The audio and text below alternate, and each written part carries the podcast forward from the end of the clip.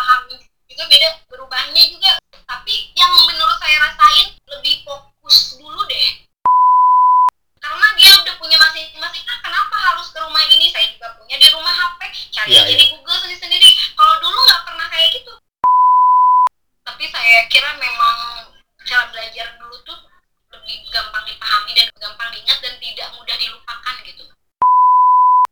Halo pemirsa, jumpa lagi bersama saya Siska Ambari akan nemenin kalian semua di podcast sebuah asa bersama Mas Aska Hintori. Dengerin terus ya.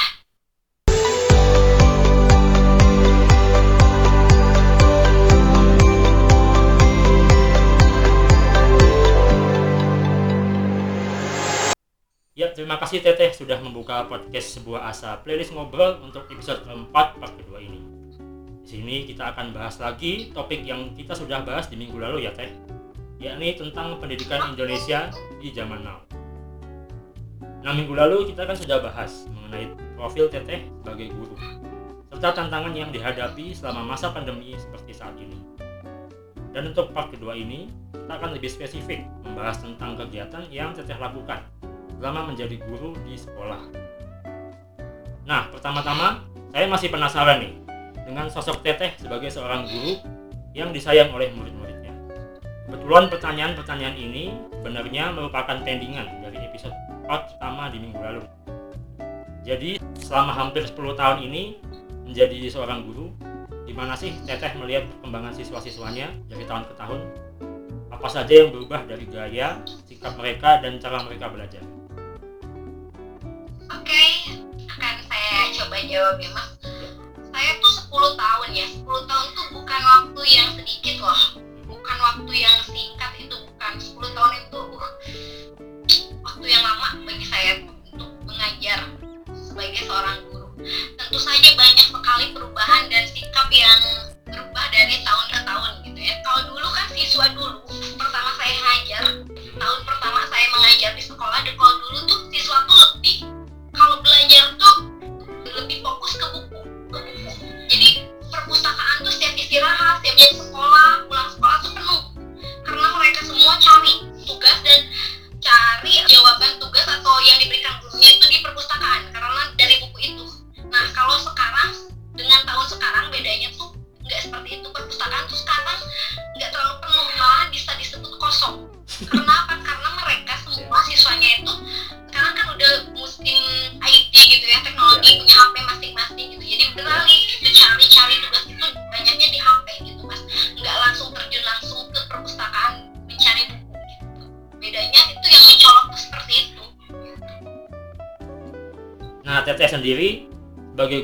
pernah melakukan beberapa kali perubahan atau penyesuaian cara mengajar nggak sih? Kayak apa misalnya?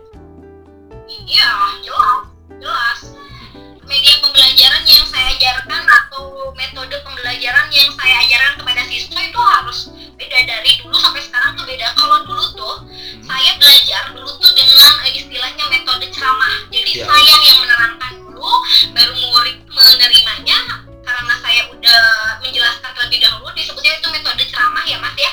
Jadi Ya. saya dulu yang nerangin terus murid. Nah terus sudah itu lalu tanya jawab seperti itu. Kalau sekarang enggak. Jadi dibiarkan siswa yang mencari sesuatu hal baru menemukan baru saya yang menyimpulkan. Sekarang itu bedanya. Seperti itu. Dan ketika adanya perubahan itu ada perubahan dari prestasi siswa nggak? Lebih pintar atau gimana gitu? Iya ada jelas. Kalau murid sekarang sama murid yang dulu tuh cara belajarnya beda dan cara paham juga beda berubahnya juga. Tapi yang menurut saya rasain lebih fokus dulu deh Lebih fokus cara dulu. belajar dulu. Jadi, eh, jadi kalau sekarang tuh karena mulai zaman juga teknologi juga jadi Ya, sosialnya tuh kurang tuh mas. Sosial bersosialnya tuh siswa tuh kurang iya. karena dia udah punya masing-masing ah kenapa harus ke rumah ini saya juga punya di rumah HP cari Iya, aja di Google sendiri-sendiri kalau dulu nggak pernah kayak gitu kan dulu Iya. dibagi kelompok Iya. diskusi saling sharing cari buku sama-sama gitu itu mas bedanya menurut saya tuh lebih fokus belajar dan lebih ini dulu deh daripada sekarang. Artinya dengan bahwa murid dulu lebih fokus, secara prestasi pun yang dulu lebih bagus juga dong kayak gitu. Iya. Iya gitu. Iya iya. Jadi sesuatu yang saya ajarkan tuh kalau dulu tuh sampai si siswanya terus terus terus naik kelas tuh masih ingat gitu yang apa Oh. saya ajarkan gitu. Beda Iya. yang sekarang. Jadi sekarang gampang dipahami tapi gampang juga dilupain gitu.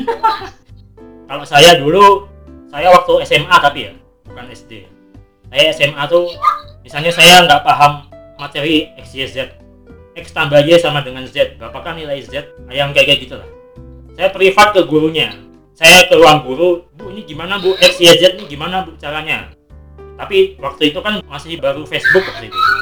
Baru Facebook baru Twitter belum WA apa nih belum ada. Nah itu ada nggak yang sampai privat ke teteh itu ada nggak? Oh gitu ya mas? Ya ya. Iya iya.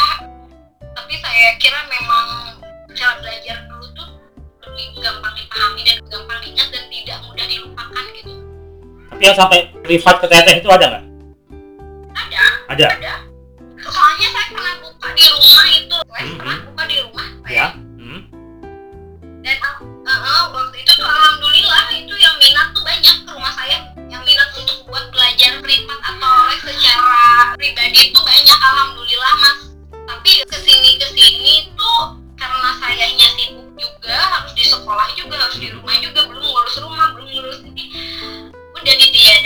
aja lagi kemarin. Tuh cuma sempat setahun lah kalau nggak salah saya buka tempat privat di rumah gitu mas. Sampai sekarang berarti udah nggak ada lagi yang privat gitu? Enggak, enggak ada mas. Soalnya waktunya juga sih saya harus bagi-bagi dong mas. Udah ngajar capek di sekolah masa harus buka lagi di rumah? Saya tuh kan punya kesibukan lagi gitu mas. Enggak sekarang lah. Kalau privat di sekolah atau misalnya siswanya ke ruang guru itu sampai sekarang masih ada nggak ada. Artinya teteh merasa bahwa semangat belajar siswa ini semakin kendor gitu di zaman sekarang ini. Iya.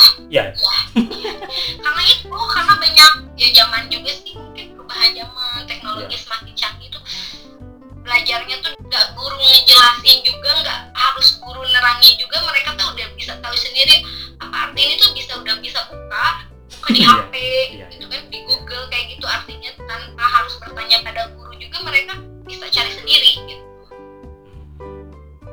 Nah teteh sendiri kan katanya pernah ngajar di SMP kan? Iya Oh, pernah nah. pernah nah itu lebih enjoy mana teteh ngajar di SD atau di SMP kalau enjoy sih enjoy di SMP mas. Soalnya kan dia anaknya udah gede-gede. Jadi ngerti lah maksudnya nggak akan berisi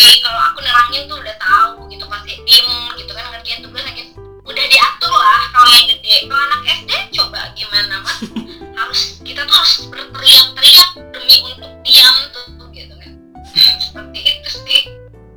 Bedanya tuh SD sama SMP tuh. Berarti lebih enak ngajar di SMP ya? Iya. SMP. harusnya masih lebih enak lebih santai juga kalau di SMP tuh. Kan anaknya udah dewasa jadi apa yang kita mau tuh mengerti dia gitu. Tanpa harus gimana gimana kalau di SD kan uh harus ekstra Iya, iya.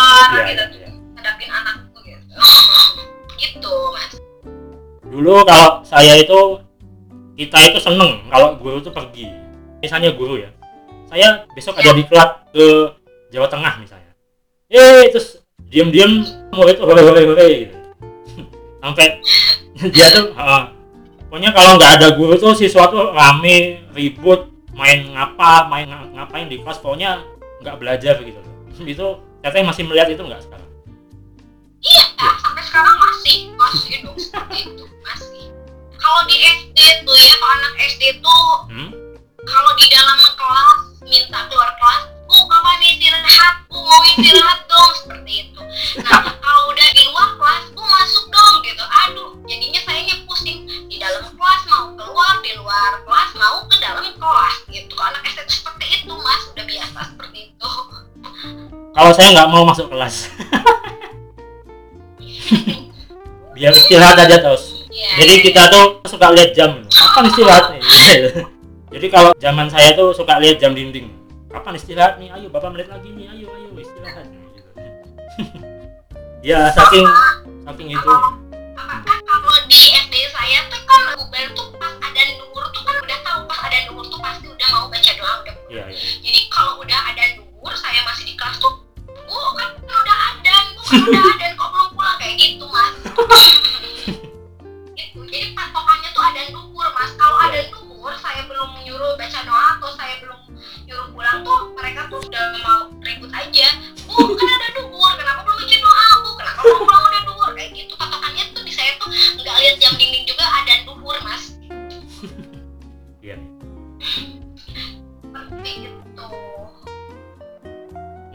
apakah teteh merasakan bahwa ngajar anak SD dari tahun ke tahun ini semakin susah atau menantang? Karena karakternya yang makin aneh dari tahun ke tahun. Kalau bagi saya nih ya Hmm? SMA tuh menantang sih mas. Susah lah kata saya. Beda sih anak sekarang sama anak dulu tuh beda mas. Hmm, kayaknya pinter-pinter anak dulu sama anak sekarang. Anak sekarang tuh lebih banyak malesnya daripada rajinnya sih mas iya iya. Saya pribadi juga pernah jadi guru saya oh ya. Guru apa mas? Tapi bukan guru kayak teteh yang di SD SMP itu bukan. Guru ekstrakurikuler guru saya apa tuh guru ekstrakurikuler Oh. ekskul nah Guru tapi ekstrakurikuler apa mas? Ekstrakurikuler jurnalistik. Gitu terus Jurnalistik, eh, jadi dia- berapa, berapa, berapa lama mas? Oh, cuman satu semester aja oh ya itu kayak dinamika murid ini seperti yang teteh bilang itu kayak jauh banyak malesnya banyak maunya aneh-aneh aja gitu termasuk juga Iya. dari gajinya juga salah satu yang dibahas kemarin itu sama juga ekstrakurikuler bahasa Jerman juga pernah Sama. Gitu. Oh gitu jago Iya. dong mas bahasa Jermannya. iya sama saya juga olimpiade kok bahasa Jerman dulu jadi bahasa Inggris dua kali bahasa Jerman satu kali tapi enggak Gitu ya. tapi ya dulu sih seprovinsi waktu itu Oh gitu. Iya, iya. tapi ya nggak menang sih cuman nomor berapa cuman pernah paling deket sampai final aja Iya, tuh udah bagus loh. Kalau udah mau masuk final tuh Iya. udah mas, udah bagus lah. Tuh mas. Sama satu lagi guru yang tidak disengaja. Tahu nggak Apa? jadi kan waktu kelas 3 SMA SMP juga sih. Kelas 3 SMA sama SMP kan saya bahasa Inggrisnya termasuk agak tinggi kan. Nah jadi saya ikut ngajarin teman-teman sekelas yang nggak bisa tuh ya ajari ajari dong gimana? Ini ini apa artinya? Ini maksudnya apa? Ya, jadi saya yang ngajarin secara nggak langsung tuh saya yang ngajarin. Waktu kelas 3 tapi ya memang saya akui juga mengajar orang-orang apalagi yang masih kecil semakin semakin kecil semakin susah malah. Saya nyerah deh kalau makin kecil apalagi SD itu agak nyerah saya. Karena saya saya kan belum nikah ya saya. Saya, saya belum nikah belum punya anak belum tahu gimana sih rasanya punya anak kecil yang susah diatur ngeyel bandel tuh saya belum paham. Jadi kalau milih saya mendingan anak SMA aja. Yang udah hampir-hampir dewasa lah lagi gejolak udah tinggi itu SMA jadi kalau ngajar SMA saya masih sanggup. Nah jadi ini saya sedikit ngasih saran nih ke teteh. Bukan maksud menggurui ya.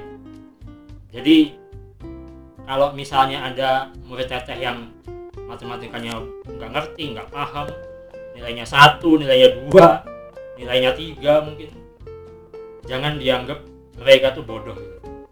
Jangan menganggap mereka bodoh karena kita nggak tahu mereka tuh mungkin dalam matematika bodoh tapi bidang lain mungkin mereka malah pinter malah jago gitu karena ya saya sedikit mohon maaf karena matematika yang saya pelajarin dari SD itu juga nggak ada kepakainya semua sekarang gitu ini mohon maaf ya Iya, apa-apa mas. Kita saling-saling aja. Jadi kayak saya dulu belajar X, Y, Z. X tambah 3Y sama dengan Z. Berapa nilai Z? Aduh apa itu? Terus sekarang mana nggak ada dipakai sama sekali? Ngitung aja boleh kok pakai kalkulator gitu. Dulu kan nggak boleh waktu ujian gitu. Iya, Ya, iya. jadi ngitung uang juga paling kali tambah kurang bagi. Yang penting basicnya aja.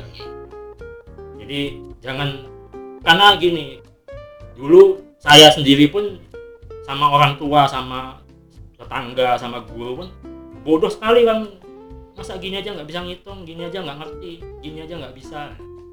Hanya karena matematikanya doang. Guru ini kan cuman dia kan ngajarnya satu pelajaran ya nggak ngajar semua ya. jadi dia cuman mengalami pelajarannya dia aja. Sementara kita siswa ini harus belajar semua materi yang ngalor ngidul ini apaan gitu kan. Dan ternyata banyak dari pelajaran itu yang nggak dipakai ketika sudah dewasa. Kecuali dia jadi guru. Kecuali jadi guru matematika kayak teteh baru itu kepake gitu. Kan nggak semua orang jadi guru matematika. Otomatis kan nggak akan kepake itu yang dia pelajarin itu gitu. kayak gitu aja. Saya sering dicap bodoh dicap nggak ngerti nggak bisa. Mau jadi apa kamu? Hanya karena matematika itu doang. Cuman x y z itu doang. Kayak gitu. Nggak masalah kan oke kita lanjut. Belum lama ini Teteh disebutkan dengan kegiatan bernama akreditasi. Nah bisa dijelaskan apa sih akreditasi itu? Karena yang saya tahu akreditasi itu hanya tentang promosi dari pihak sekolah. Misalnya oh sekolah kita udah terakreditasi A atau akreditasi B. Tapi saya belum benar-benar paham apa itu maksudnya akreditasi A atau B itu saya belum benar-benar paham. Itu kayak gimana itu tuh akreditasi itu penilaian mas. Penilaian sekolah dari asesor. Asesor itu sejawa barat gitu kan. Kemarin tuh sekolah saya kebetulan asesornya tuh dari Tasik. Hmm. yang menilai sekolah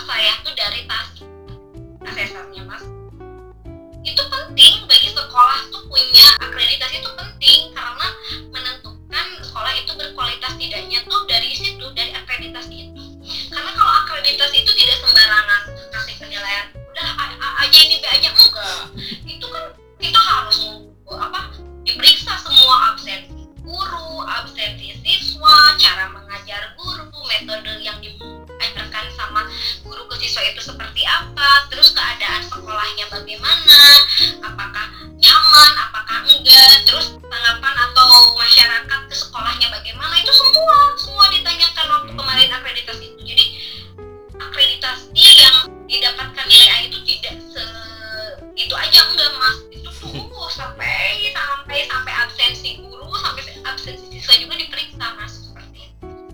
Jadi akreditasi itu untuk menentukan berkualitas tidaknya itu sekolah dan juga untuk menarik minat para orang tua siswa untuk menyekolahkan ke sekolah kita.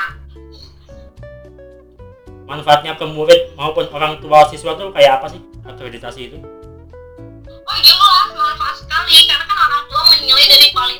sekolah. Hmm. baru mau memasukkan anaknya ke sekolah itu seperti itu mas. Apa benar bahwa akreditasi itu dalam tanda kutip hanya sebagai ajang marketing saja seperti yang tadi saya sebutin di awal? Oh tidak tidak mas. Tidak seperti itu. Itu benar loh benar ditilai karena saya merasakan sendiri benar bagaimana kan persiapan mau akreditasi itu tuh uh, luar biasa.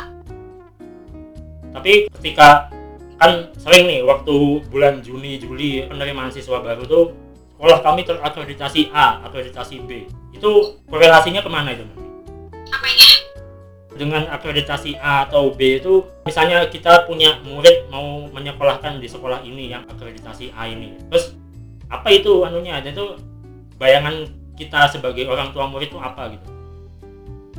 Ya itu karena orang tua kan ingin menyekolahkan anaknya bagus yang berkualitas ya itu bayangannya oh berarti udah akreditasi A berarti sekolah itu bagus gitu. Itu mas. Kemarin akreditasi hasilnya kayak gimana? Oh belum belum keluar. Oh belum? Nggak nggak akan semudah itu dong mas. Paling sebulan dua bulan baru ada keluar hasilnya. Dengan mendapat akreditasi yang baik apakah lantas menjamin kualitas pendidikan akan menjadi baik pula soalnya kan di akreditasi itu guru kepala sekolah semua tuh ditanya dilatih di apa gitu semuanya untuk menciptakan siswa yang berprestasi siswa yang bagus belajar kayak gitu. Insya Allah insya Allah mas. Boleh tahu nggak pertanyaannya kayak gimana? Yang ditanyain asesor itu? Iya kan kita ada bagian-bagiannya kan guru dipegang dia itu Misalnya- misalnya apa,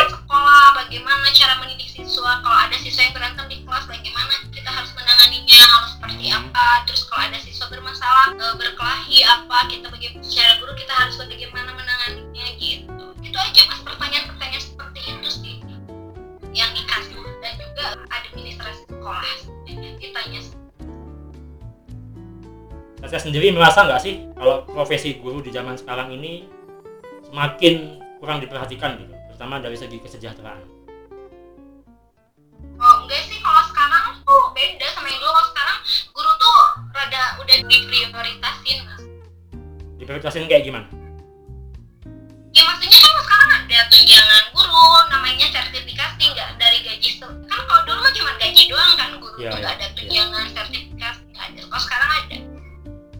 Itu cuman PNS saja atau semua guru sama dapat gitu juga? PNS aja mas PNS saja. Teteh sendiri belum PNS ya? belum, Belum. saya tuh cuma dikontrak atau disebutnya guru honorer itu mas Hmm, gitu berarti teteh cuman dapat gaji aja? Iya, aku Iya. mah cuma dapat gaji aja, gaji dari sekolah ada, gaji dari Pemda aku ada gitu, alhamdulillah. Walaupun nggak banyak juga, tapi ada gitu, alhamdulillah. Gajinya itu cukup untuk makan nggak sebulan? Dicukup cukupin aja mas, seperti itu. Apakah Teteh pernah menyuarakan soal kesejahteraan tersebut ke dinas atau pemerintah terkait kesejahteraan tadi? Iya, Kayak gimana? pernah, pernah ikutan demo pernah, iya pernah. Demonya apa? Kayak gimana? Ya itu minta kejelasan, minta diangkat kita, terus alhamdulillah dari hasil demo itu kan kita jadi dikasih SK bupati. Oh, merasa nggak sih ada permainan politik di mereka yang udah PNS sama yang belum itu? Ah, nggak ada, nggak, tahu seperti itu, saya nggak tahu, mas. Nggak ngerasa, nggak ada. Nah, misalnya ada generasi muda yang pengen jadi guru juga seperti Teteh gitu. Kira-kira profesi guru ini masih menjanjikan nggak sih menurut Teteh? Iya, nggak apa-apa. Bagus juga, nggak apa-apa, mas. Kalau terasa tersisihkan atau apa, enggak. Artinya untuk bisa bertahan hidup menjadi guru tuh masih bisa di zaman sekarang. Bisa lah, bisa insya Allah, mas. Bagaimana kitanya sih itu, mas? Oke, oke. Nah, Teteh masih setuju nggak dengan ungkapan bahwa guru itu pahlawan tanpa tanda jasa? Iya, setuju lah. Buktinya saya gaji segitu juga nggak terlalu dipikirin. Saya yang penting bisa mendidik anak-anak, eh, anak-anak bangsa untuk mencerdaskan anak bangsa seperti itu. Itulah guru pahlawan tanpa tanda jasa tuh bener loh. Menurut Teteh sendiri, sosok guru yang ideal tuh kayak gimana sih? Ideal itu guru yang bisa yang profesional aja yang bisa menyesuaikan gitu. Kalau di sekolah sekolah gitu nggak usah ada urusan rumah tangga dibawa ke sekolah nggak boleh kayak gitu. itu tuh yang namanya harus profesional aja. Yang ideal tuh seperti itu menurut saya tuh gitu. Nggak usah kalau ada masalah apa apa dibawa ke sekolah tuh nggak usah gitu. Nggak usah dibawa-bawa ke murid gitu. Waktu ngajar apa nggak usah gitu. Karena saya pernah dengar guru yang baik itu yang suka marah-marah, suka galak-galak. Jadi kalau dia nggak galak, dikhawatirkan murid ini jadi nggak manut sama dia. Gitu. Oh enggak. Ya, gimana karakter gurunya sih mas? Kalau saya nggak seperti itu mas.